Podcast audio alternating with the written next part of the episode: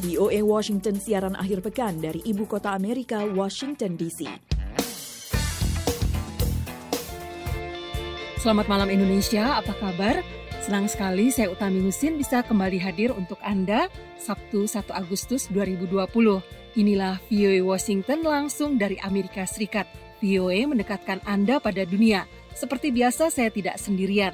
Selain Erna Wiyasih sebagai produser acara ini, kali ini ada Arif Budiman yang menemani saya memandu acara ini. Halo Arif, apa kabar? Baik, baik Utami. Bulan berganti tidak terasa kita sudah memasuki bulan Agustus. Yang belum berubah, kita masih bekerja di rumah masing-masing. Saya di Silver Spring, Maryland, dan ada di... Saya di Fairfax, Virginia. Uh, tapi yang jelas Utami, kita senang sekali bisa bertemu di udara untuk siaran bersama dalam VOA edisi weekend kali ini. Betul, senang sekali nih Arif juga tentunya karena dalam edisi akhir pekan ini kita biasanya kan menghadirkan berbagai informasi menarik dan terkini ya seputar Islam, agama, dan toleransi di Amerika dan di berbagai penjuru dunia lainnya. Pemberdayaan perempuan serta serba-serbi dunia kampus di Amerika. Bagaimana kalau kita langsung saja nih hadirkan topik yang pertama, Arif? Siap, Utami. Seperti biasa pada segmen pertama kita akan sampaikan laporan mengenai agama dan toleransi Kali ini kita menuju ke Asia. Aksi kekerasan dan diskriminasi terhadap kelompok agama minoritas di Pakistan semakin meningkat sebulan terakhir. Seorang warga Kristen ditembak hingga tewas karena mengontrak rumah di lingkungan Muslim di Peshawar, sementara pembangunan kuil Hindu di Islamabad dihentikan karena keluarnya fatwa pelarangan. Untuk selengkapnya, kita simak bersama laporan kantor berita Associated Press yang telah disusun tim POE berikut ini. Satu bulan terakhir adalah masa-masa yang sulit bagi kelompok agama minoritas di Pakistan. Awal Juni lalu, dalam laporan kantor berita Associated Press, Nadim Jordan, seorang warga Kristen, ditembak hingga tewas karena mengontrak rumah di lingkungan Muslim di barat daya kota Peshawar, tak jauh dari kawasan perbatasan dengan Afghanistan. Rasa takut tak pelak menghantui keluarga mendiang. Elizabeth Lal, ibu mertua Nadim yang turut ditembak di bagian lengannya hingga hancur, menceritakan kejadian tersebut. उस दिन मेरा बेटा आ रहा था वो सात तारीख को सात तारीख थी ना तारीख से आ रहा था उसको कोई नामालूम लोग Pada tanggal 7 Juli, menantu saya sedang dalam perjalanan pulang ketika dua pria yang berboncengan menggunakan motor menghentikannya dan bilang, kami akan memberimu pelajaran.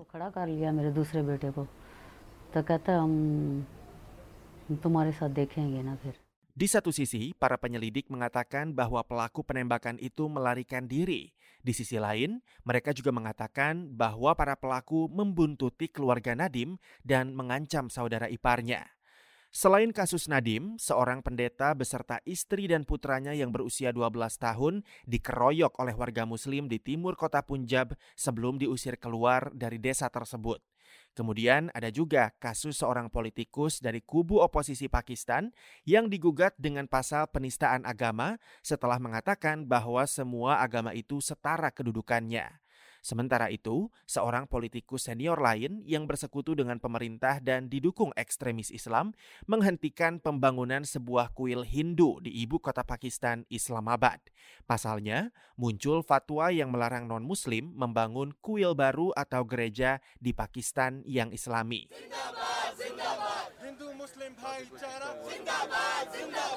Lal Malhi, anggota parlemen beragama Hindu dari Partai Keadilan Pakistan yang mengusung sang Perdana Menteri, mengatakan bahwa perlakuan kejam bukanlah masalah baru bagi kelompok agama minoritas di sana. Are able to deal with uh, these things because we are Pakistanis, uh, being a minority and being a Pakistani. Pakistan Kita harus bisa berurusan dengan hal-hal ini karena kita orang Pakistan. Sebagai minoritas sekaligus warga Pakistan, negeri ini telah menghadapi masalah seperti ini sejak lama.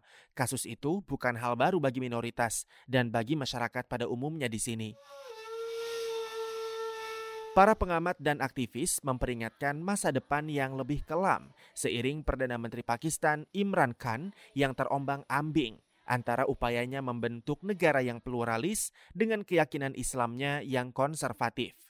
Mereka menyalahkan peningkatan aksi kekerasan terhadap minoritas kepada sosok sang Perdana Menteri yang di satu sisi memperjuangkan visi Pakistan yang toleran di mana kelompok agama minoritas bisa berkembang setara dengan mayoritas warga muslim di sana, tapi di sisi lain menyerahkan kekuasaan kepada para ulama Islam ekstrim di mana ia tunduk pada tuntutan mereka dan menuruti keputusan akhir mereka bahkan dalam urusan bernegara.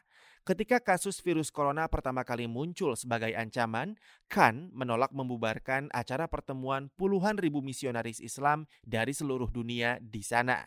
Ia baru mengeluarkan perintah pembatalan acara tersebut setelah para peserta tiba di Pakistan.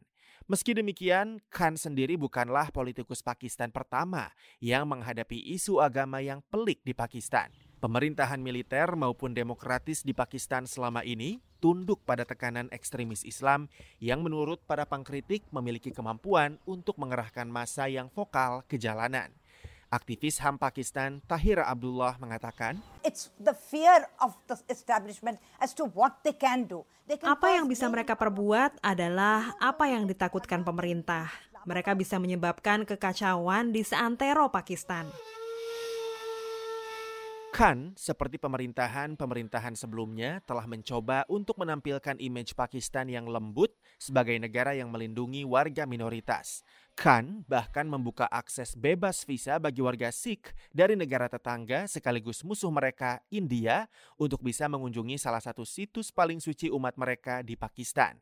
Akan tetapi, para pengamat menilai inisiatif-inisiatif tersebut sebagian besar hanya bersifat simbolis. Rifan Dwi Astono, VOA.